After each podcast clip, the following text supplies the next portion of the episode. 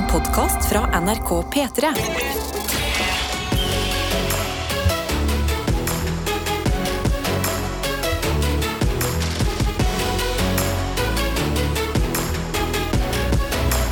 Dette er P3 Morgen.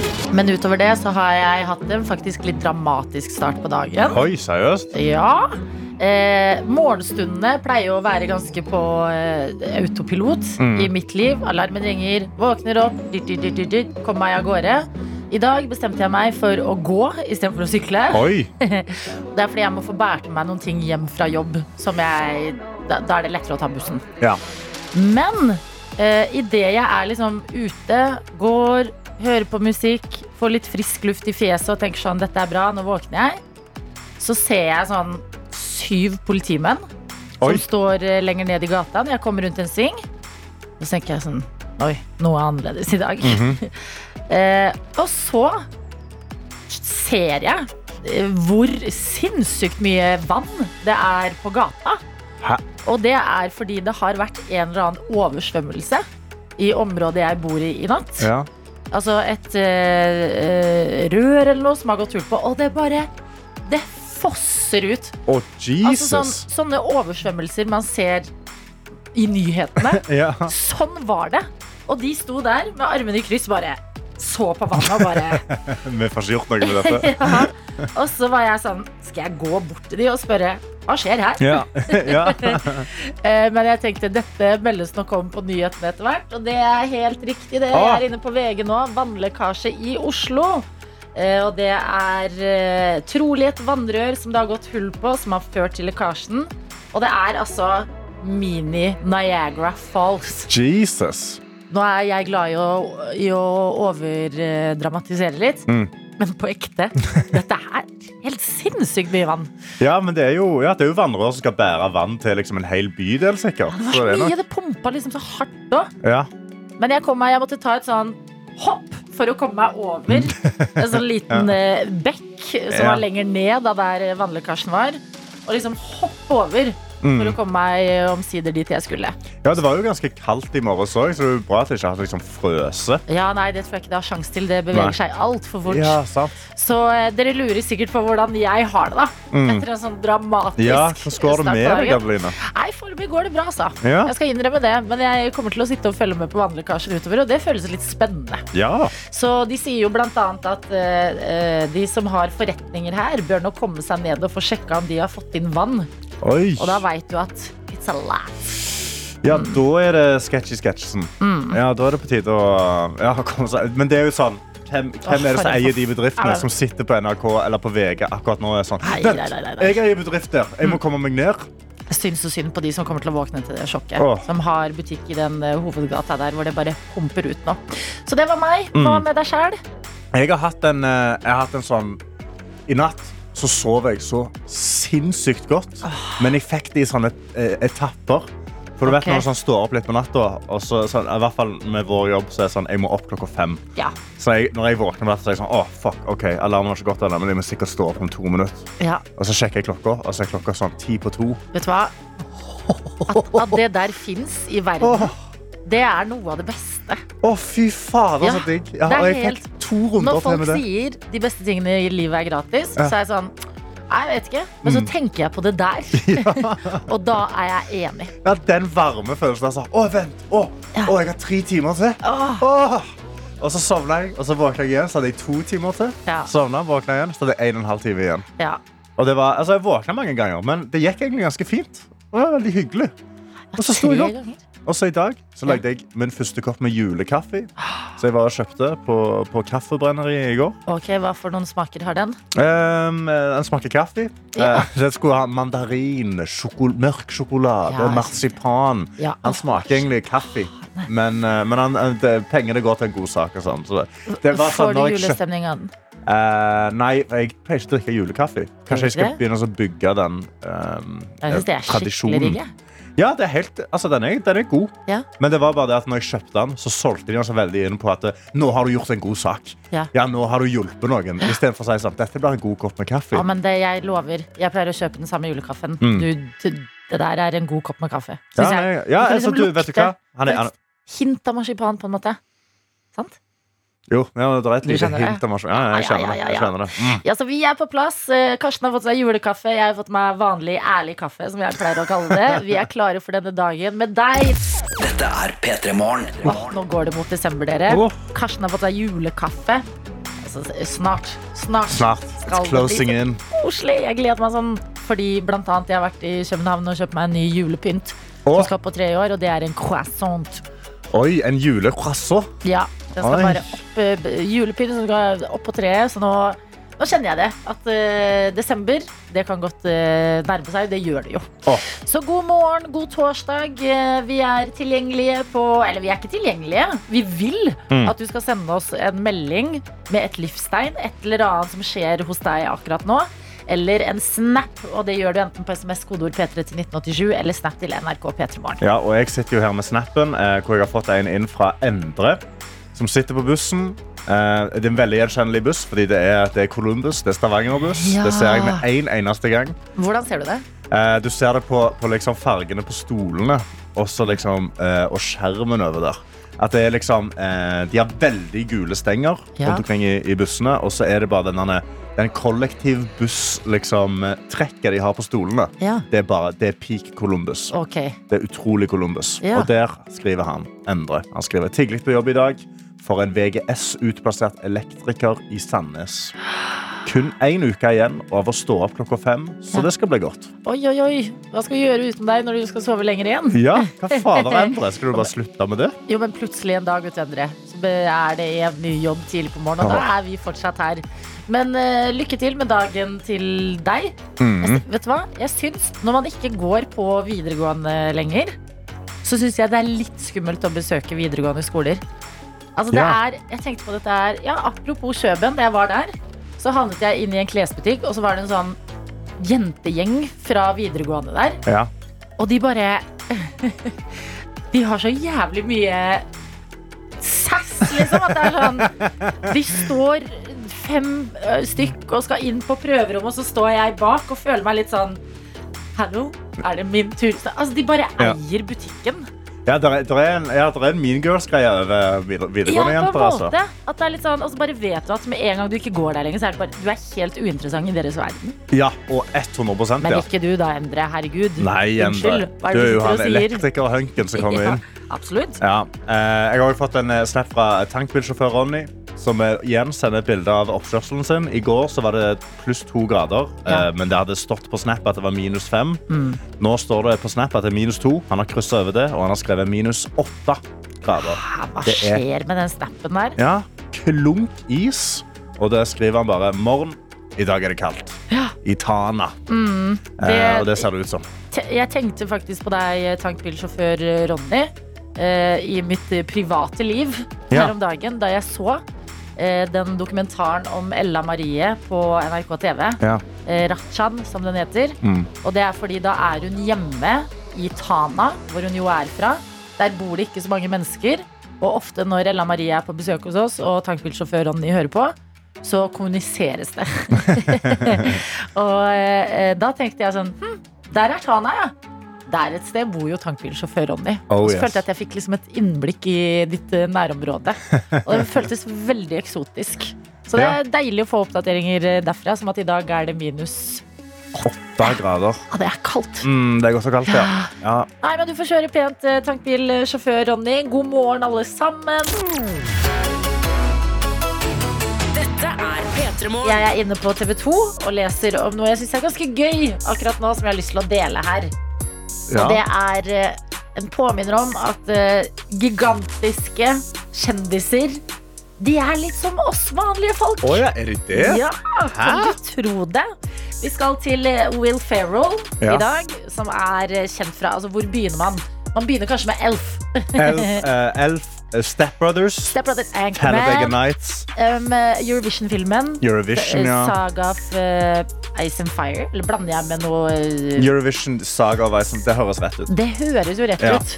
Uh, Will Ferrell han har vært på besøk hos et radioprogram, et morgenradioprogram i Storbritannia. Ah, Ja, og det er eh, Der har han eh, vært og snakket annet om noe han trenger i livet. OK. Og det er knytta til Eurovision. Han elsker jo Eurovision på et personlig plan. Ja, er det er jo- sant. Ja. Ja, han er, eh, kona hans er eh, svensk, Mm. og Eurovision er jo gigantic i Sverige. Spilt i Eurovision-filmen som tok eh, store deler av verden med storm. Og neste år så skal det jo være Eurovision i Storbritannia. Og skal det det? Ja, det var Ukraina som vant, men Ja. de kan jo eh, åpenbart ikke avholde Eurovision der. Ja. Så da har eh, de, altså styret til Eurovision bestemt at det blir i Storbritannia, nærmere bestemt Liverpool. Oh. Med en gang den nyheten kom ut, alt i Liverpool fullbooka. Ja, Yes, ikke, ikke noe ledig. Sprengt kapasitet. Såpass sprengt kapasitet at til og med eh, fotballfans har gått ut og vært irriterte. Fordi at hei, dette er jo Liverpool. Ja. Her skal jo det skal spilles hjemmekamper og alt Vi trenger Ja. disse ledige rommene. Eh, og eh, Will Ferrell, som en Eurovision-entusiast og superkjendis, han får det ikke gratis, han heller. Nei. Han har ikke bare blitt ringt og sagt sånn Hei, vil du ha et rom hvor vi også plasserer masse champagne, og så får du en syk utsikt over byen? Ikke noe sånn treatment på han. Fordi når han er på besøk i dette radioprogrammet, så forteller han at eh, hvis det fins noen der ute som har et ledig rom i Liverpool under Eurovision neste år, please si ifra, fordi mamma har spurt meg om vi kan dra på det. Å, fy fader. Ja. Hallo, tenk deg det å bo i Liverpool, og så kan du ha Will Ferrell og mora hans på besøk. Og lage te til de for morgenen. Hvorfor har vi ikke et hjem i Liverpool akkurat nå? Hallo. Ja, så det er, eh, Moren min vil veldig gjerne at jeg skal ta henne med til Eurovision. eh, Og eh, du må høre på mor. Ja. Selv Will Ferrell. Så nå er det forhåpentligvis noen der ute som neste år skal få besøk av dem. Men så veldig, så veldig uh, normal kar han er om det. Altså. At han bare er sånn, hei, har noen et rom? For han, er jo en, han, har gjort mye filmer i livet sitt. Han tjent Ja. mye penger. Ja, ja. Han kan i prinsippet egentlig bare kjøpe et hus i Liverpool, la det stå tomt, dra over der og så selge det etterpå. Men er det gøy, liksom? Nei, det er jo ikke like gøy som å være sånn, hei, har noen et rom til meg? Men hvordan skal han få vite det? For det er jo sånn, folk må jo sende Will Ferrell meldinger hele tida. Altså, Det tenker jeg også. Hvordan skal han eh, få disse meldingene? Ja. Og hvem skal plukke ut den ene? Dette kunne jo vært et reality-program. Men skal ikke bare hoppe inn og si sånn Hei, Liverpool og Oslo er ikke så langt fra hverandre. Du kan bo, du kan bo på sofaen Hallo, jeg syns vi skal sende han en melding. jeg. Ja. Hello, you are looking for a place to stay, Yes, stay we have a studio in Oslo. You can sleep in it if you want. And we can fly you over to Liverpool. On the morning, and it only Yes. takes uh, one and a half hours. It's a very quick uh, ride, you and, know. Yeah, and you can go out on the evening and uh, party a lot, and you Yes. can come back next morning. It's a very, very good. And you know, you can join us on the morning Og hvordan er moren til Will Ferrell, liksom? Jeg tipper hun er verdens hyggeligste menneske. Jeg føler også det. Litt Ja. ordentlig. At hun, når hun har en så køddende sønn, Mm. at hun blir litt sånn åh nei, ta deg sammen. P3. Hvor vi sitter med både meldingsinnboksen og snap-innboksen åpne, vi, Karsten. Ja, og jeg sitter her med snappen, så vi har, vi har fått inn eh, vår første snap for dagen fra Vilja. Oi, oi, oi. Eh, hun har fått inn morgendronningen vår, som alltid mister bussen. Hun har da skrevet God morgen. Jeg sitter foran peisen, og her blir jeg sittende en stund. Ja. Det vil si at jeg rekker ingen buss i dag. Nei, nei, nei, og vet du hva? Det er helt forståelig. Hvorfor rekke buss når du kan sitte foran peis? Ja, sant? Peis! Peis. Og hun sitter foran peisen. Hun har en kaffekopp som er i rumpa. Ja. Uh, som er bare, den, den, den ser helt perfekt ut. Og så skal hun, men det er verdt det, tenker jeg. Mm. Uh, men det hun lurer på, er Men hallo, når jeg sitter her foran peisen. Hva skjedde med paranormal-historien til Adelina og folkevandringen av gamle folk inn i skogen? ja, jeg vet det. For det er bare sånn, det har aldri løst seg, det. Ja, det har ikke det. Nei, det er bare det er, jeg må finne ut av det. Altså, hver onsdag så er det masse gamle folk ute. Og de går mot skogen. og jeg tenker alltid at jeg skal finne ut av det. ja. Og så kommer de mot meg, og så backer jeg ut. Mm. ja, så får du backe ut, ja. Det er det du gjør. Du ser de kommer der hver gang. Jeg ser de kommer og tenker Ja. nå, nå, så er, Jeg er så skjør på morgenen. Jeg er så redd for at gamle folk skal kjefte på meg eller gi meg liksom the evil eye eller noe. Men jeg lover, jeg skal, før jul skal jeg finne ut av dette, Vilja. Ja, det, det må, vi må finne ut av dette mysteriet, altså. Absolutt, men herregud, for en deilig start på dagen. Altså folk, Vi hadde jo Lilly tidligere i dag, som glemte å være med på Gjett lyden fordi hun Ja. sto og dansa til eh, Ah. musikken. Vilja som sitter foran en peis. Mm. Altså, Dere har det bra der ute. Torsdagsfølelsen er på vei. Ja, Altså, Nå er vi på vei inn i helga. det er som vi pleier å si, det løsner nå. Nå Oh, ser man yes. liksom lyset i enden av tunnelen der. Vi kan også si god morgen til Bergen Karro, som har sendt en melding og skriver god morgen, gjengen. En trøtt torsdag, og i dag er det tilbake på jobb, så jeg får håpe det går fint. Hun har vært ute med litt sykdom. Ja. Så står det Det er forresten veldig rart at man kan bli så sliten av å bare børste håret, men sånn har det altså blitt. Uff a meg. Det kommer til å bli bedre, Det blir bedre med Karo. tid. Målet nå det er å bli frisk til morgendagens Ramón-konsert. Så jeg krysser fingrene for det. Ja ja, står det her. I dag skal jeg også på en liten fjelltur, bare fordi jeg er så lei av å sitte inne når det er sol ute, så jeg må ut. Da vil jeg bare si, hvis du blir sliten av å børste håret, ta det litt pent. Ta en, ta en chill fjelltur, da. Kanskje, kanskje egentlig bare ta, Fløibanen. ta fløibanen opp til toppen, og så går du de trappetrinnene som bare er det utkikkspunktet. Ja. Og så tar du fløibanen ned igjen. Hvis du gjør det, så støtter vi deg i det. 100% Og så står det her eh, videre. Forresten så lurer jeg veldig på hvordan det gikk med personen som skulle si opp jobben i går.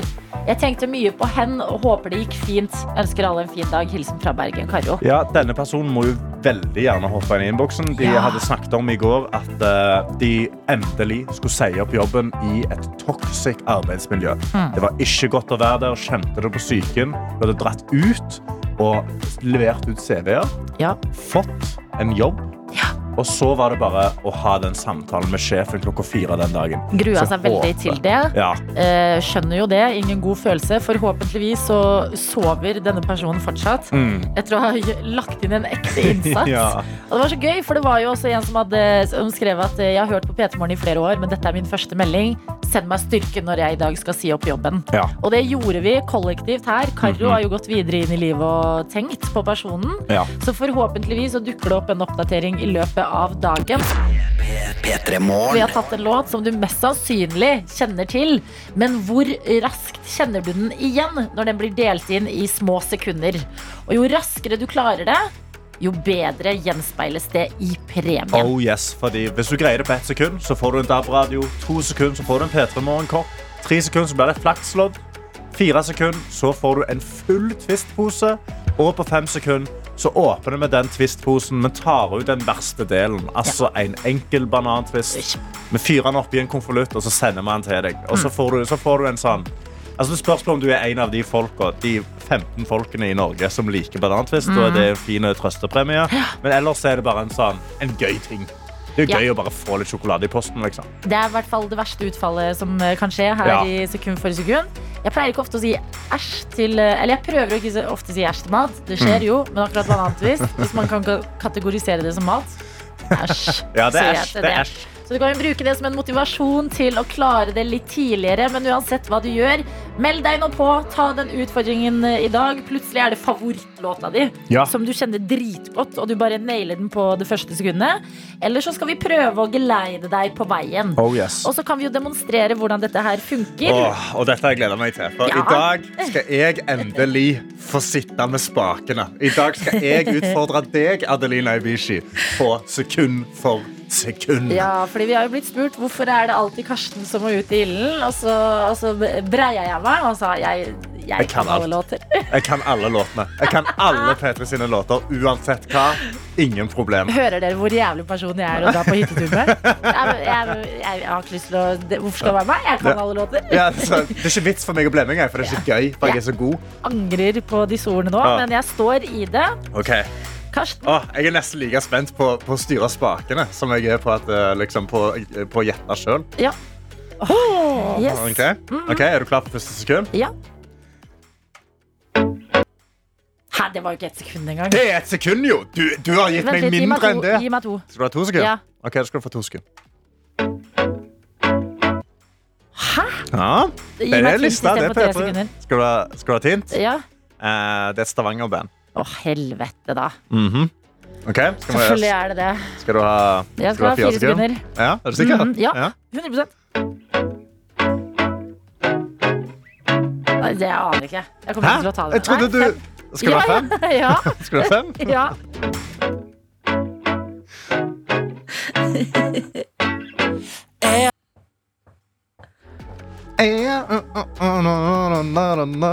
Er det tøffel? Det er tøffel. Eh, jeg har ikke sjans på låta. Det er tøffel, ja. og det er 'Jeg er så glad i deg'.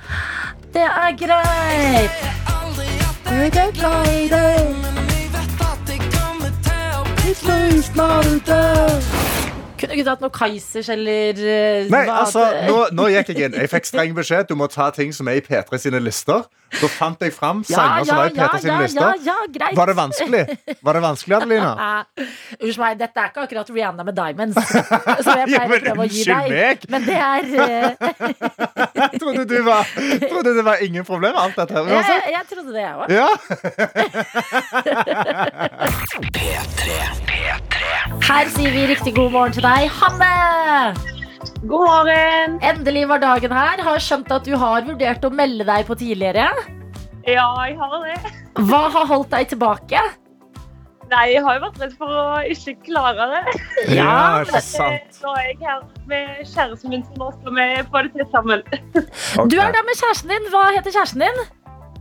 Ola. Ole. Ola. Hvor er det dere er med oss fra i dag? Eh, Oslo.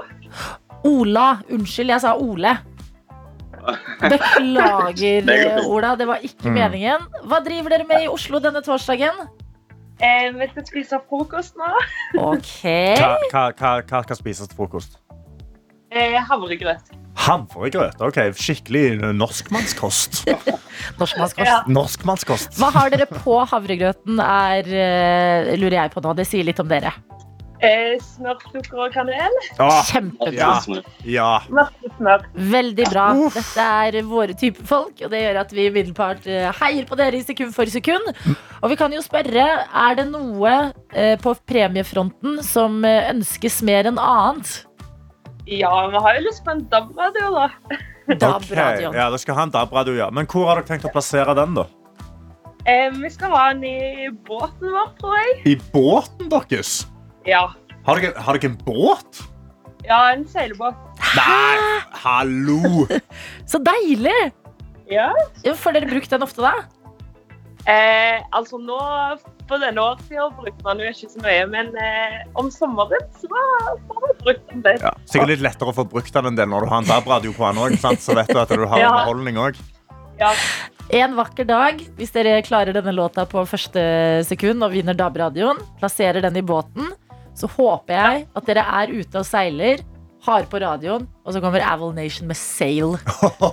ja. Det er en drøm jeg lanserer i dette øyeblikk. Ok, men Da er det bare å eh, strekke seg etter hovedpremien. Hvem er det dere føler eh, stiller eh, sterkest på musikkatalogfronten?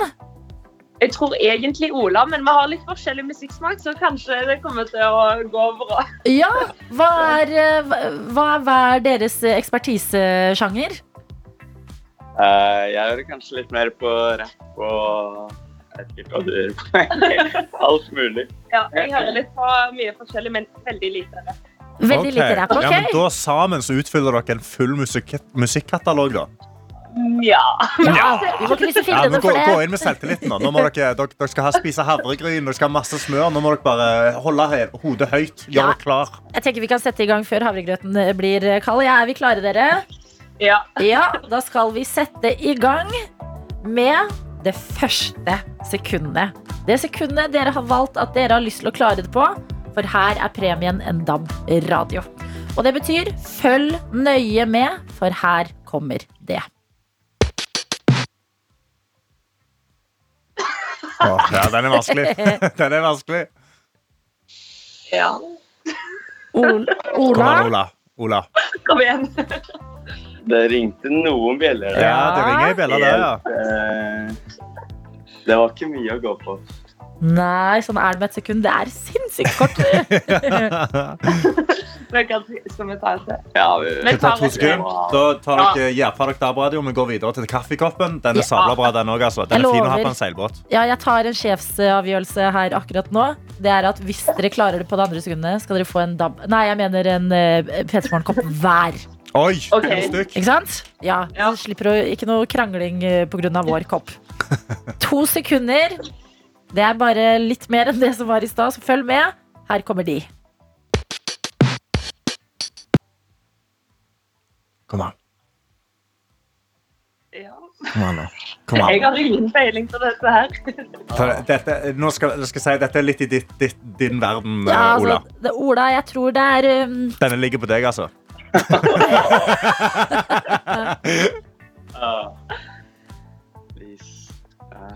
det, det, som, det, som, kan skje nå, er eh, vi kan enten gi dere tre sekunder, eller så kan dere få et mm. hint av meg. Men jeg kommer trenge hint. Trenge hint, ja. Skal du hint? OK, ja. da er hintet mitt svær, gul blomst. Å, det er sikkert Sunflower. Ja. ja. Av eh. Hvem er det som synger den, da? Kom an. Kom an. Oi, oi, oi. Teamet jobber. Kom igjen. Nei, Det er det ikke. kom igjen. Sunflower av Av Skal vi OK, så eh, Nå har dere fått hintet. Vi kan gå, vi kan gå til fire sekunder. Da tipper jeg at det, da, grei, da, da får dere den, liksom. en twistpose i båten. Det er ikke det verste, det Ja, heller. Twistpose er fader nice, det. Ja, det Post Malone, er det? Post Malone. Post Malone! Ja. Det er riktig! Ja! Det var der det skulle gå. Det betyr at det blir et skrapelodd på dere i dag. Potensielt 900 000 kroner, fordi for- 10 må vi ta. Ja, dessverre. Altså, Sånn er reglene. Beklager hvis vi ikke informerte om det i forhånd.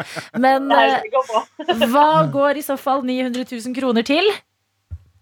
Nei, jeg vet ikke. Kanskje vi må gjøre noe Nybåt. Ny båt. En T-båt, ja. Da ja, håper jeg vi kan komme på båten deres en dag. ja. Takk for at dere var med, Ola og eh, Hanne. Ha en helt nydelig torsdag videre. Ja, takk. Ha det! Ha det bra! Dette Hvor vi skal snakke litt om fotball-VM, som er rett rundt svingen. Og i den anledning så har vi invitert deg, Jon Peder Egenes, til oss. Hjertelig velkommen. Tusen takk skal du ha. Og eh, du kan jo forklare for folk som eh, hører på, som tenker Jon Peder Egenes, ja. Hva skal han si om eh, fotball-VM? Hva er din jobb, Jon Peder? Eh, I forbindelse med fotball-VM. Ja, eller bare Ja. sånn, jeg tenkte du kunne introdusere ja. ja, nei, Som du sa, så er jeg generalsekretær i Amnesty International Norge. Um, det betyr at jeg jobber med menneskerettigheter.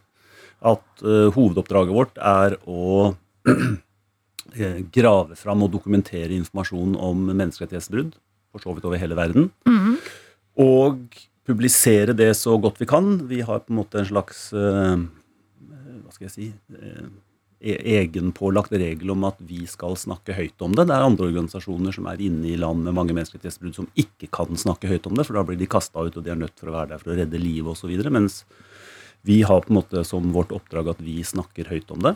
Og hensikten med det, som er skal vi si, en del av eh, DNA-et vårt, det er at vi ønsker å mobilisere såkalte vanlige folk eh, til å ta et standpunkt og handle i forhold til de menneskerettighetsbruddene. Ikke sant? Og I tillegg til å ha den jobben, altså generalsekretær i eh, Amnesty International Norge, så er du også en fotballfan.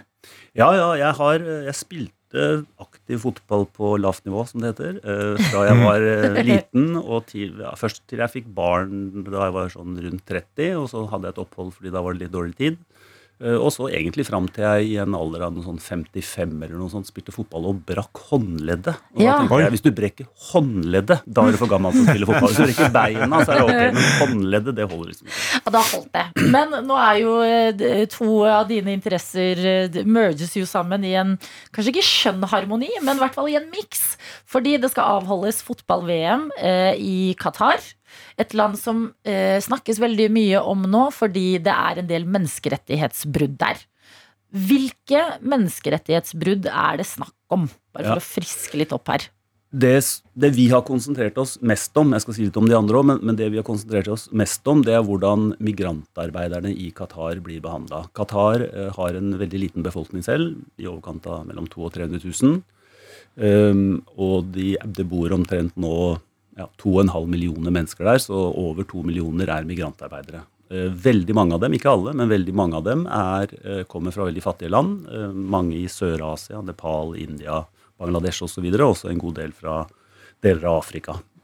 Og de blir da importert for å gjøre de jobbene som de ikke har nok qatarere til å gjøre. F.eks. bygge alle fotballstadionene som skal brukes under fotball-VM, alle hotellene som skal brukes under fotball-VM, veiene, T-banen osv. Og det vi har visst lenge, ehm, det er at de lever under ganske forferdelige forhold og jobber under ganske farlige forhold. Eh, og sånn helt konkret så ja, de, de bor i helt eh, grufulle eh, brakkelandsbyer. De får veldig lav lønn. eh, De får ofte ikke lønna si. eh, Arbeidsgiveren eier dem på sett og vis. Altså det, er ikke, det er ikke slaveri, det kan man i hvert fall ikke i de fleste tilfellene, men det er sånn at arbeid, inntil nylig så kunne du ikke bytte jobb uten at arbeidsgiveren din ga deg lov til det. Arbeidsgiveren hadde ofte kontroll over passet ditt. Arbeidsgiveren kunne når som helst kansellere oppholdstillatelsen din. Da var du i landet ulovlig, kunne bli arrestert og deportert. Um, litt for mange unge menn har dødd helt plutselig, eh, og myndighetene oppklarer ikke hva som var dødsårsaken. De sier I 70% av tilfellene av de eh, utlendingene som har dødd i Qatar, så sier myndighetene bare at eh, han døde fordi hjertet stoppet. Ja. Det er en vanlig årsak til å dø. Oi. Uten at man liksom oppklarer det noe mer. Og, og, og litt for ofte så, så er det en grunn til å tro at det kanskje kommer av at de har jobbet ute i ekstrem varme altfor lenge. Det er jo et land hvor det er, blir ekstremt varmt. ja. Det er jo det- også Og- derfor det skal være nå på vinteren. Det er derfor det skal være fotball-VM på vinteren for første gang i, Mhm. i, eh, på fotballstadioner med aircondition. Um, så, så det er disse forholdene vi da har, har tatt opp og, og forsøkt å bidra til en, en forbedring på. I tillegg så, så er jo mange opptatt av, og med rette, at det er forbudt å være skeiv i Qatar, at kvinner har helt andre rettigheter, langt færre rettigheter enn menn osv. P3morgen. P3 Morgen. Vi har besøk av Jon Peder Egenes, som er generalsekretær i Amnesty International Norge. Og eh, det vi snakker om, det er den her fotballfesten, eller i hvert fall mesterskapet, som står på trappene, nemlig VM i Qatar. Og det viser seg eh, at eh, veldig mange, det kom også noen eh, tall på dette her i går, veldig mange nordmenn sitter nå, før det starter, og tenker skal jeg se på eller ikke? Og jeg har ikke noe lyst til at vi skal liksom sitte her og be belære folk til hva de skal gjøre angående dette mesterskapet. Men siden du da er så eh, tett på eh, problemene i Qatar, eh, Jon Peder, så kanskje vi kan liksom ta en runde på hvilke tanker man bør gjøre seg før dette mesterskapet, i hvert fall. Ja. Um, ja det, det, det jeg tror er viktigst, uh, snarere enn uh, hva skal jeg ikke gjøre, skal jeg ikke se på VM, det er liksom hva kan jeg gjøre? Uh, og da tenker jeg at uansett om du velger å se på det eller ikke, så er det noen ting du kan gjøre som jeg tror faktisk kan ha en betydning. Jeg må få lov til å drive litt egenreklame. Du kan eh, gå inn på amnesty.no og bli med på den eh, kampanjen vi har nå for at Fifa skal sette av et fond på ca. 4 milliarder kroner for å kompensere migrantarbeidere som har blitt skada, som har blitt sendt hjem uten lønn, og familien til de som har dødd. Det, er- der er jo Fotballforbundet helt med oss, så vi håper liksom å dytte Fifa over, over den streken. Så det, det er én ting man kan gjøre. Men så har vi også hørt da at eh, Qatar har rekruttert en 400 såkalte superfans til, eh, til fotball-VM. Altså som kommer til Qatar, får betalt eh, oppholdet, får betalt billetten osv. Men som må forplikte seg til å, å liksom snakke positivt i sosiale medier. Ja. Så jeg kunne tenke meg at nordmenn, hvis vi kunne få 40 000 nordmenn da, til å, til å liksom eh, gå løs i sosiale medier og, og på en måte si noe om skyggesidene. Um, og da, hvis man er på Twitter, så jeg man skal liksom dempe seg litt i forhold til hvordan mange opptrer på Twitter. For jeg tror hvis vi bare fornærmer folk, så er det ingen som lytter til oss. Men hvis man liksom twitterer med både VM-hashtaggen og kanskje hashtaggen payupfifa, og, og på en måte eh, nyansere litt det bildet som, som katarske myndigheter ønsker å liksom få spredt i sosiale medier gjennom superfansen og sikkert andre, så er det noe man kan gjøre. Og, og det er jo en uh, Vi må bare innse vi sitter langt unna Qatar. Vi, eh, vi er uh, definert litt ut som liksom Vesten mot et muslimsk land osv. Så, videre. så hvis man oppfører seg ordentlig på sosiale medier, men allikevel liksom gjør små saklige ting, og vi kommer sikkert til å legge ut uh, tweeter og annet man kan bruke hvis man vil, men enda bedre hvis man gjør sitt eget. Så det tenker jeg er, en, det er i hvert fall noe å gjøre, og det kan man gjøre uansett om man ser på kampene eller ikke ser på kampene. Um, det som eh, Det jeg tenker er at man må eh, vurdere liksom, hva, er, hva, hva er det hvem, hvem er det jeg protesterer mot? Hva er det jeg ønsker å oppnå? Eh, og mye av protesten i Norge, helt forståelig, er retta mot liksom, fotballsystemet, mot liksom, den makta som sitter i Fifa alt vi hører om penger, alt vi hører om korrupsjon osv. Um, og, og da eh, skjønner jeg at folk får dårlig smak i munnen og tenker sånn jeg skal ikke se på noe som de tjener penger på, noe som de som promoverer dem osv. Um, og det har jeg full forståelse for. Um, men for, for vårt vedkommende da, så er det på en måte situasjonen til migrantarbeiderne, til skeive, til kvinner i Qatar som er det vi er, er opptatt av. Og da tror ikke jeg det betyr så mye om du ser på fotball-VM eller ikke, men det betyr noe om du faktisk er aktiv i forhold til den situasjonen som er der. Akkurat det jeg sa, at vi liksom ønsker å mobilisere såkalte vanlige folk til liksom å ta et standpunkt, si fra tydelig. For det lyttes til. Vi, vi har jo folk som eh, er ofte i Qatar, og vi vet at de har lagt merke til Norge. De har ikke bare lagt merke til Lise Klaveness, de har lagt merke til journalistene, det har vi jo hørt om i det siste, og de har lagt merke til at, at det er på en måte en, en sterk mening blant veldig mange i Norge. Mm. og det, synes jeg, det imaget syns jeg det er fint, og det er jeg stolt av, og, og det håper jeg vi liksom kan være med å opprettholde gjennom VM også. Og da handler det mer om å handle enn å ikke handle. Kommer du til å se på? Altså, jeg er som vi sa, veldig veldig fotballinteressert, og, og jeg har ikke gjort Altså, jeg, jeg, jeg har ikke noen jeg har ikke, har ikke spesielt lyst, sånn rent personlig. Jeg har Nei. mistet litt lyst til å se på kampene, men samtidig har jeg også sagt at eh, jeg kjenner meg selv såpass godt at hvis det drar seg til og i åttendelsfinalen er mellom England og Tyskland, liksom, så kan det godt hende at jeg kommer til å se jeg, har liksom ikke sagt jeg kommer ikke til å se et minutt, som enkelte sier, og det er helt ok. Um, men jeg har liksom ikke den samme gleden. Og så, og så syns jeg det er interessant, for det er første gang jeg har sett noen ordentlige tall på det, men som du refererer til, at ca. 20% av de som vanligvis ville sett på VM, sier at de ikke skal se på det nå. Og det er jo faktisk et ganske høyt tall, så det, det, da, da, liksom, da ligner det noe, da. For å si det sånn. P3morgen. Der er jo, når man tenker på VM, eller tenker på Qatar, da, så, så tenker ikke jeg på det som en stor fotballnasjon. At eh, De har jo ikke et stort fotballag eller store fotballstjerner som jeg vet om. Men hvorfor har Qatar altså Vi vet jo at de har betalt utrolig mye penger inn til Fifa eh, under bordet for å få dette VM til seg. Hvorfor vil de ha VM i Qatar? Det, det er en, eh, et ledd, og kanskje til nå liksom krona på verket i en strategi som Qatar har, eh, eh, for å bruke det de kaller myk makt, og idrett er en veldig, veldig viktig del av det, for å gjøre seg kjent. Eh, altså at folk i det skal vite at det fins et land som heter Qatar. Og det igjen er et ledd i en slags en omlegging, spesielt av økonomien. Eh, fordi Qatar lever jo først og fremst av gass, men også olje. De vet at det det er ikke framtida. Mm. Så de er nødt til å, til å på en måte mangfoldiggjøre økonomien sin. Eh, Og det å bli kjent, det er på en måte et ledd i det. Og så er liksom planen at dette skal da gjøre igjen at man tiltrekker seg investorer på andre områder, turisme um, og, og, og sånne ting. I tillegg uh, så er jo Qatar i en slags skvis der de ligger, for de har på en måte store, eller mye større land som Saudi-Arabia og litt større land som Emiratene rundt seg, som er veldig skeptiske til Qatar, fordi Qatar ja, nå blir jeg veldig spesifikk her, men de deler et svært gassfelt med Iran, så de må være ganske nær Iran òg. Og Saudi-Arabia og Iran er jo liksom motstanderne i den delen av verden. Ja. Um, sånn at de ser også på det, tror jeg, i et sikkerhetspolitisk eh, eh, bilde. At de ved å være kjent for omverdenen, så er de tryggere også i forhold til sine nærmeste naboer, som de ellers kanskje kan frykte kunne, da kunne bestemme seg for å bare gå inn og ta over kontrollen. Eller i hvert fall klemme dem ut av verdenssamfunnet. Men har resten av verden Fordi jeg føler at um, vi, vi har snakket veldig mye om uh, problematikken rundt Qatar i Norge før dette mesterskapet. Har resten av verden samme kritiske blikk på Qatar nå?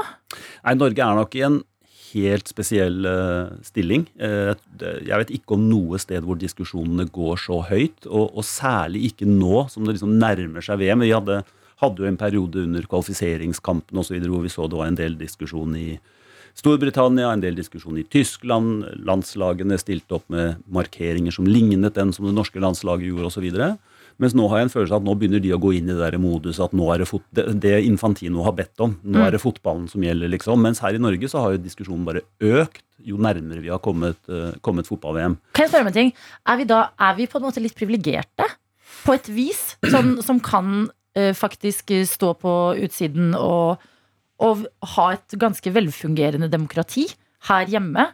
eh, Som gjør at vi ser ganske kritisk på f.eks. Qatar? Ja, eh, jeg, tror, jeg tror i hvert fall vi er, vi er privilegerte i den forstand at vi, at vi har et demokrati, og at vi forventer at det fungerer på en måte. Så da, da de fikk dette supporteropprøret, så, så krever på en måte grasrota at folk på toppen må gjøre noe, det må skje noe på toppen.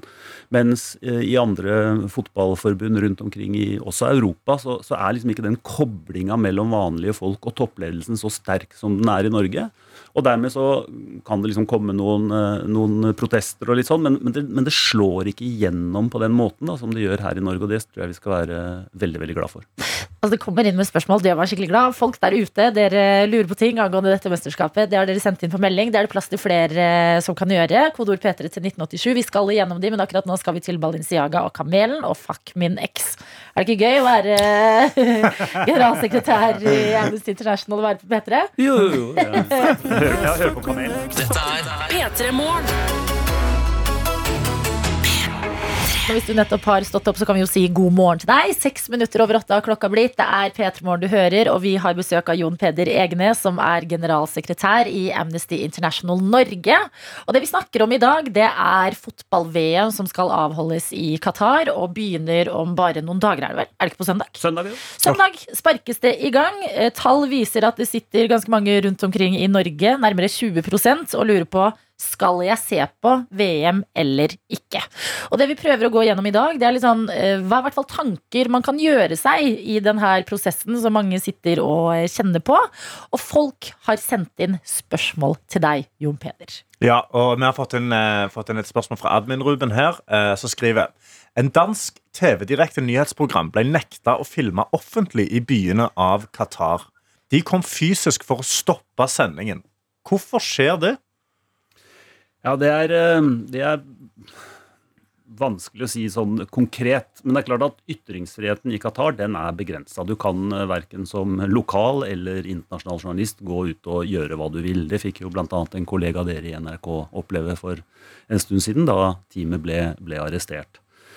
Um, jeg, jeg vet ikke hva jeg, har sett i klippene, jeg vet ikke hva de egentlig filma. Om det var noe i nærheten der som qatarerne ønsket å, å um, skjule for omverdenen, eller om det bare er en slags grunnrefleks hos politiet der, at hvis de uh, ser noen som står og filmer som de ikke har kontroll på, så stopper de det. Og det, og det er noe av problemet rundt dette med skal vi si sånn midlertidige ordninger i, i, land. da, ikke sant? I Qatar sånn Jo da, eh, nå er det VM. eh, dere kan få lov til å komme. eh, homofile er hjertelig velkomne, bare de ikke viser altfor mye at de er homofile. eh, journalister kan komme, de kan strengt tatt gjøre hva de vil.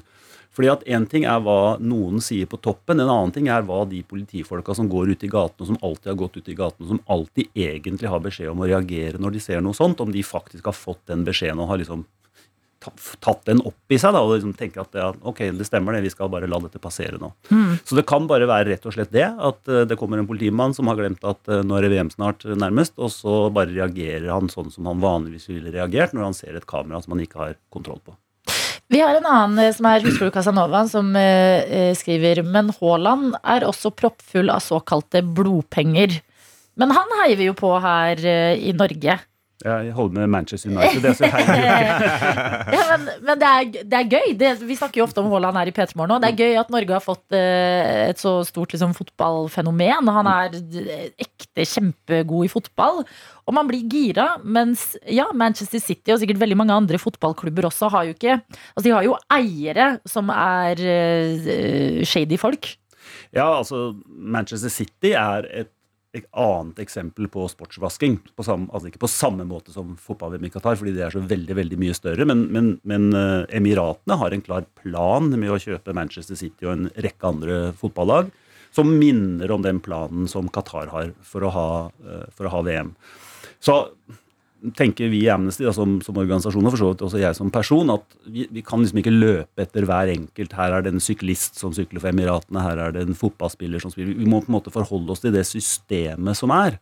Og eh, Så det vi har eh, eh, på en måte forholdt oss til overfor Premier League, da, som jo er en slags bedrift, det er ikke bare en liga, det er at de må ha noen kriterier for hvem som får lov til å kjøpe fotballklubber i England, eh, og, at der bør menneskerettigheter inngå. For de, for de har regler. For eksempel så ble en mann en svært rik mann som hadde lyst til å kjøpe en fotballklubb. Han fikk ikke kjøpe den fordi han hadde en dom for seksuell omgang med mindreårige. Ja. Eh, mens eh, Emiratene og Saudi-Arabia, som burer inne alle som tenker annerledes, Saudi-Arabia som dreper en journalist på konsulatet i Tyrkia, som henretta 81 mennesker på én dag litt tidligere i år osv., de får kjøpe en klubb. Eh, sånn at det er noe veldig, veldig sånn det er, det er noe galt på toppen i dette systemet, og, og, og da tenker jeg at det er der vi må sette inn støtet, ikke overfor enkeltspillere. Det er noe galt på toppen, men det, altså, den toppen føles jo uang- uangripelig, nesten. Altså, det er noe med at hvis man har uh, tilnærma uendelig med penger, så er det veldig vanskelig å få tak. P3. Det nærmer seg 20. november, datoen hvor fotball-VM, det mye omdiskuterte VM-et i Qatar, sparkes i gang. Og i den anledning så har vi huket tak i Jon Peder Egenes, som er generalsekretær i Amnesty International Norge. Og bare snakke litt rundt både Qatar og dette mesterskapet, og ikke minst eh, Fifa har vi touchet innom på. Fordi det er en ting jeg har tenkt på, det er at jeg husker jeg var på ferie i eh, Sør-Afrika i 2010. Og da hadde jo de hatt VM. Og da gikk det også masse skrekkhistorier om hvordan de stadionene hadde blitt til, og eh, hvordan eh, folk som bodde i eh, slummene, hadde bare blitt flytta fordi det passa ikke at de var der foran kameraene.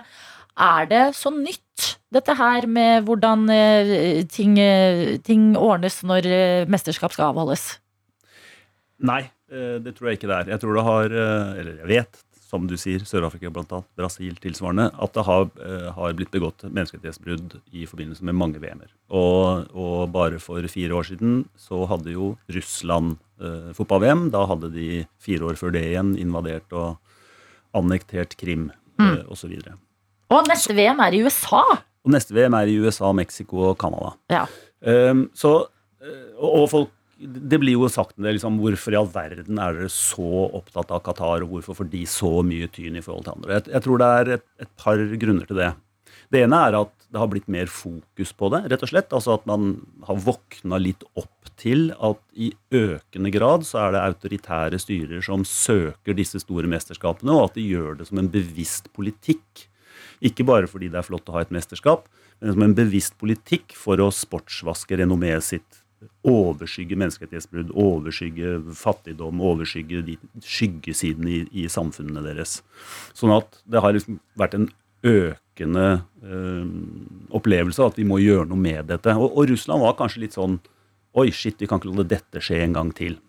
Så det tror jeg er det ene. Det andre er at i Qatar så er det en sånn direkte kobling mellom det vi er kritiske til og menneskerettighetsbruddene, og selve VM. Altså VM hadde ikke kunne bli arrangert i Qatar uten at eh, noen hundre tusen, hvis ikke en million, migrantarbeidere hadde gjort den jobben som skulle til. Bygge stadionene, bygge eh, alt som skulle bygges, befolk, altså jobbe på alle hotellene, restaurantene, og være sikkerhetsvakter osv. Så, videre. så det er, så, det er en sånn direkte kobling eh, mellom fotball-VM og menneskerettighetsbrudd. Det, det er litt annerledes enn at, bare for å ta et eksempel, liksom OL i Kina.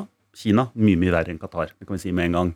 Men, men der er det på en måte, det er ikke, det er ikke direkte kobla til OL. Det er eh, ytringsfriheten, det er uigurene som er langt unna der det ble, der det ble arrangert osv. Men, men jeg tror dette er, eller jeg håper intenst at dette er på en måte starten på en mye For det første at man er mye mer påholden med hvem som får disse mesterskapene. Det stilles noen betingelser. Og at dette fokuset kommer til å fortsette um, andre steder når det er nødvendig. Ja, for det jeg tenker på er jo, altså, sånn Qatar for eksempel, har jo ikke infrastrukturen da, i prinsipp egentlig til å hoste VM, og mange andre land. Altså, Hvilke land egentlig kunne man hatt VM i uten å ha hatt et menneskerettighetsbrudd? Ja, Knapt noen, og, og det tror jeg vi skal være veldig forsiktige med. Jeg pleide å si at Vi kan liksom ikke komme i en situasjon hvor de eneste som kan avholde store mesterskap, er liksom fra Tyskland og nordover. Um, sånn at jeg, eh, jeg, jeg og vi eh, liksom tenker ikke at um, det er kun de som er på det aller aller høyeste nivået i forhold til respekt for menneskerettighetene, som kan arrangere disse mesterskapene, for da blir det irrelevant. Og vi, og vi, og vi skal ikke liksom, se helt bort fra at det er ganske mange mennesker som er stolte når et VM eller et OL kommer til deres land eller deres region. Og vi, og vi skal liksom ikke bare tråkke på de følelsene. og liksom, Fordi dere har sånne myndigheter, så skal dere aldri få det. Men jeg tror det må lages noen betingelser som er liksom nettopp knytta til mesterskapet. da. Um, altså Bare for å ta Qatar som et, et, et tenkt eksempel. Fikk uh, VM i 2010. Da kunne Fifa sagt vi vet at dere har en veldig veldig dårlig behandling av de arbeiderne som skal bygge dette. Det kan dere ikke fortsette med. Dere må endre det. Um, hvis dere ikke har fått til det innen 2015, så tar vi fra dere VM. Da kunne, For da har man også tid til å flytte. Ikke sant? Mm. Da kunne dette kanskje dette systemet som de alle sier, det sa jo Fifa og Qatar også, liksom VM kommer til å føre til klar forbedring på en rekke områder i, i Qatar. Ikke sant? Da kunne det faktisk være sånn at det funka i den sammenhengen. Fins det noe håp eh, for å skille politikken og idretten, lurer jeg på? Altså, det er litt som på en måte Tenk så mange fotballfans det fins der ute, da. Det er litt som at eh, du elsker låtene til en artist, men artisten er pedo, liksom. Det er, jo, men det er jo bare sånn ja, ja. Jeg Da skal du høre på eller Jeg ikke. bare, jeg bare tenkte på at du hadde en spesiell person i tankene. Uh, det, um, jeg tror ikke det går an å skille uh, fotball eller idrett i det hele tatt og politikk. Det er politikk, og, og det er ikke idretten som bestemmer det. Uh, idretten kan si, og det, nå har de jo slutta å si, da, men, men de sa jo det lenge, uh, vi driver med idrett, ikke med politikk. Det er ikke de som bestemmer, for hvis en stat bestemmer seg for å bruke idretten politisk, så gjør de det. Um, sånn at jeg tror heller at idretten må innse at den har en politisk funksjon, den blir brukt politisk, den er, øh, den er politisk på mange måter, og da må man tenke ok, hvordan kan den være politisk på en bra måte, i Ja. stedet for politisk på en dårlig måte. Og da er for eksempel, er noe jeg har tenkt ut, men, men det, det jeg snakket om, altså måten å tildele mesterskap på, er én måte å gjøre det. Og så tenker jeg jo En sånn veldig veldig tynn da, silver lining Det er jo at jeg må innrømme Jeg har lært mye mer om hva, hvilke konkrete menneskerettighetsbrudd som skjer i Qatar. Eh, av at de skal avholde VM. Jeg vet ikke hvor godt det er for det store og hele, på en måte men man får jo konkretisert det, det man kan om eh, steder som ikke er helt ok, i det minste. Og det er jo en start. Så takk til deg, Jon Peder Egenes, for at du kom til P3 Morgen og eh, svarte på 100 000 spørsmål vi hadde i dag. Dette er P3 Morgen. Og admin Ruben har hoppet inn i snappen han på NRK på NRK Petremorgen. Han har skrevet God morgen. Jeg pleier å haste til bussen, men i dag var et unntak. Guri, så deilig det var. Gratulerer, Admin Ruben. Det er de små tingene, ikke sant? Ja. Når man bare skjønner at ah, det fins et liv som ikke er stress, og det er sånn her. Eh, det er veldig gøy når dere sender oss oppdateringer, enten fra busslivet eller fødselslivet, som jo vi har fått oppdatering på i dag. Og alt imellom der, det gjør dere på SMS, kodeord P3 til 1987, eller snap inn til NRK P3morgen. Så holder vi hverandre litt oppdatert på hvordan det går. Og da kan jo jeg oppdatere litt eh, fra personlig liv. ja. Karsten, hjelp, jeg tror jeg er i ferd med å bli et monster. Hva er det som skjer? Nå skal jeg fortelle deg. Eh, det har jo kommet drypp av det her i P3 Morgen, men jeg prøver å få treningsrutina opp og gå. Ja. Eh, og eh, la meg bare si, jeg har aldri trent styrke i mitt liv. Nei. Ikke vært en styrketreningsperson. Ja, det har stått i at folk sier du må trene styrke. Kjernemuskulatur, bladi, bladi, bladi. Mm. Kjedelig, har jeg tenkt. Jeg synes, hvis jeg skal trene, vil jeg løpe eller jeg vil gå på ski eller gjøre noe som jeg syns er gøy. Ja. Har funnet noen timer eh, på treningssenteret mitt som er morsomme. Som Ja. jeg kan dra på, og da får jeg gjort styrketrening. Ok, Så det er gøye styrketreningtimer. Og i den anledning så eh, kan jeg kjenne på armen min at det har vokst en liten Oi. Ikke veldig stor, men en mikroskopisk liten muskel. Begynte å få litt guns. Og i den anledning det, Ja. er, det er så stort for meg i mitt liv Ja. eh, at, eh, at jeg liksom Jeg tar meg selv flere ganger i å si sånn Ja. Du, kjenn her. og så gjør jeg armen sånn, vet sånn Flekse. fleksete. Ja. Og så peker jeg på liksom Mm. Ja, du- du- bicepsen. Du, liksom, du, du klasker bicepsen. Du peker ikke på den. Du klasker på den sånn. Se her. Se her. Se her. Kjenn, kjenn her. Og så kjenner folk, så er det sånn Oi. Ja. Og liksom, ja, se der.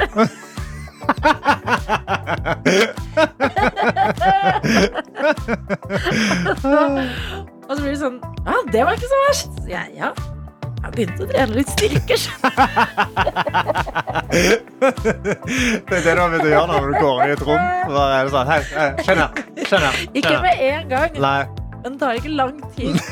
nei, du gjorde det senest på meg i går. Ja, ikke sant? Ja. Men du har fått guns. Det skal sies. Har- det skjer noe inni den armen der som Oh, aldri har skjedd før. Jeg føler meg helt funky jiny, altså. Ja. Selv om det er langt unna. Men eh, jeg vet ikke helt om jeg kan stå inn altså, Det er fordi jeg gjorde det til blant annet deg i går. Ja. Så lå jeg liksom hjemme på kvelden og så tenkte jeg bare sånn ehm, Hva er det egentlig jeg har gjort i dag? At jeg ble veldig selvbevisst på det. Jeg tror ikke jeg kan drive med det. Jeg syns det er veldig gøy. Jeg, jeg synes det er gøy å kunne få, få, få være med på reisen av bicepsen din. Altså Gjennom disse styrketimene. At, eh, Nå jeg kjenner gjennom en sånn en måned. Ja, Så hvis kjenner igjen og så sier sånn, ok, Har det blitt strammere? Har det blitt slappere? Hva er det Ja. som skjer her? liksom? ja, ja, for det er det man må vedlikeholde det, ikke sant? Ja, så Plutselig så må du begynne å kjøpe nye T-skjorter. Ja. Så jeg får ikke plass til armene dine der engang. Altså. Jeg liker, jeg liker hvordan du ser for deg at min trening er. Hold that thought. Uh, Så yes, det var en liten oppdatering fra mitt personlige liv. Jeg skal jobbe med meg selv. Herregud, jeg jobber med meg selv hele tida. Jeg elsker det. Jeg elsker det. I'm here for it. Yes. P3. P3. Det er noe annet jeg må snakke om. Eh, nå som vi begynte å gå inn i mørkere tider, altså eh, bilene ute og kjører Vi går jo på morgenen når det er helt bekmørkt. Ja. Nå har det begynt å bli litt lyst ute, men det er ennå ganske mørkt. Ja. Eh, og da må det nevnes at vi må ta på oss refleks, folkens. ja. Vi må være synlige. Det står da, jeg er inne på VG, og der står det unge og Oslo-folk Ja. er dårligst på refleksbruk. Det er 700 000 nordmenn som aldri bruker refleks. Mm. Og det er ganske krise.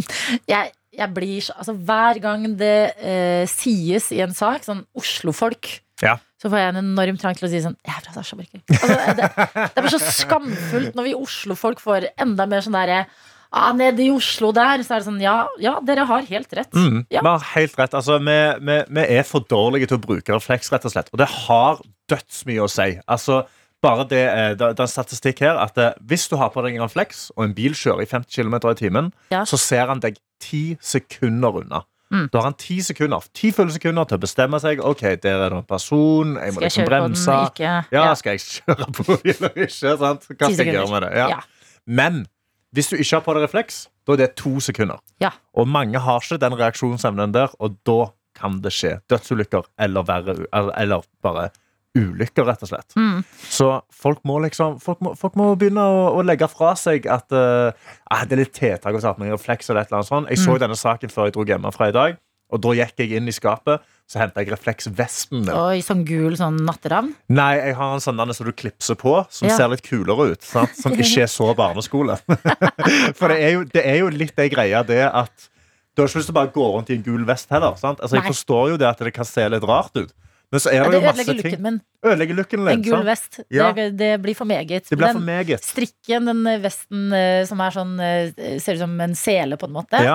Eh, den er bra, men jeg føler Jeg personlig Jeg har også en sånn, men jeg har ikke begynt med den ennå. Eh, fordi jeg føler ikke Jeg har ikke vært ute nok. Jeg har liksom ikke Men du er jo ute på vei til jobb hver morgen. men da er jo lys på sykkelen. Du har lys på sykkelen. Ja, Ja, for du har lys på sykkelen, for det er det viktigste. Lys Ja. på sykkelen har jeg. Eh, og så er det jo altså Det var jo senest forrige uke eller noe, så fikk vi jo masse reflekser og ting i kantina her på Ja. NRK. At det er jo veldig mye som deles ut. ja, jeg sier ikke at folk må ut og kjøpe det. Nå er, Nei. nå er det på tide å gå rundt, ha øynene åpne til sånn forskjellige som deler fagforeninger ut, ja. deler ut. Jeg, da, jeg fikk jo av LO, Ja, eh, shout-out til LO, Da men jeg en fikk- refleks. fikk Men en også, refleks jeg har hengt på sekken, som er sånn veldig sånn barneskole, men den er ganske cute. Det er Ja, sånn men- spøkelse. sma ja, så, herregud, bare lag de søte, så er vi yeah. en gang. Så dumme er vi. Men også sånn derre eh, Man kan jo sette de fast eh, med en sikkerhetsnål på lomma. Ja! Men problemet er jo at man har jo oftest mange jakker. Det er det man har. Man sånn, Fy fader, Og jeg vet det, Hæ? Iland-livet er Det er et liv, det òg, men det er bare det, Man blir eh, konfrontert med sin egen skam. Mm. Vi må gå med refleks. Sånn Gå med refleks. Kom an, vær litt synlig, da. Ikke bli påkjørt. Det er ikke så kult. Pappa Karsten. vi Ja, pappa. Karsten er her ja, nå. Ja.